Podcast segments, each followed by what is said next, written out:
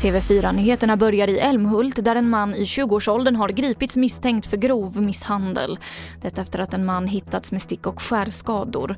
Den skadade mannen har förts med ambulans till sjukhus. Slopandet av karensavdraget blir kvar året ut. Det har regeringen, Centerpartiet och Liberalerna enats om.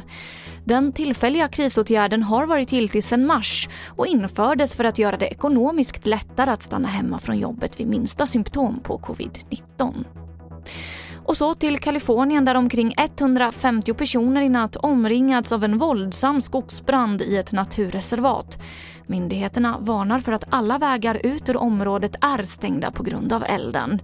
De många skogsbränderna förvärras av den pågående extrema värmeböljan med temperaturer på över plus 40 grader i Los Angeles.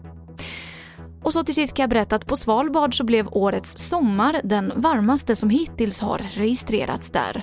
Detta enligt Norges meteorologiska institut. Allra varmast var det den 25 juli när termometern visade plus 21,7 grader. Och det var det senaste från TV4 Nyheterna. Jag heter Emily Olsson.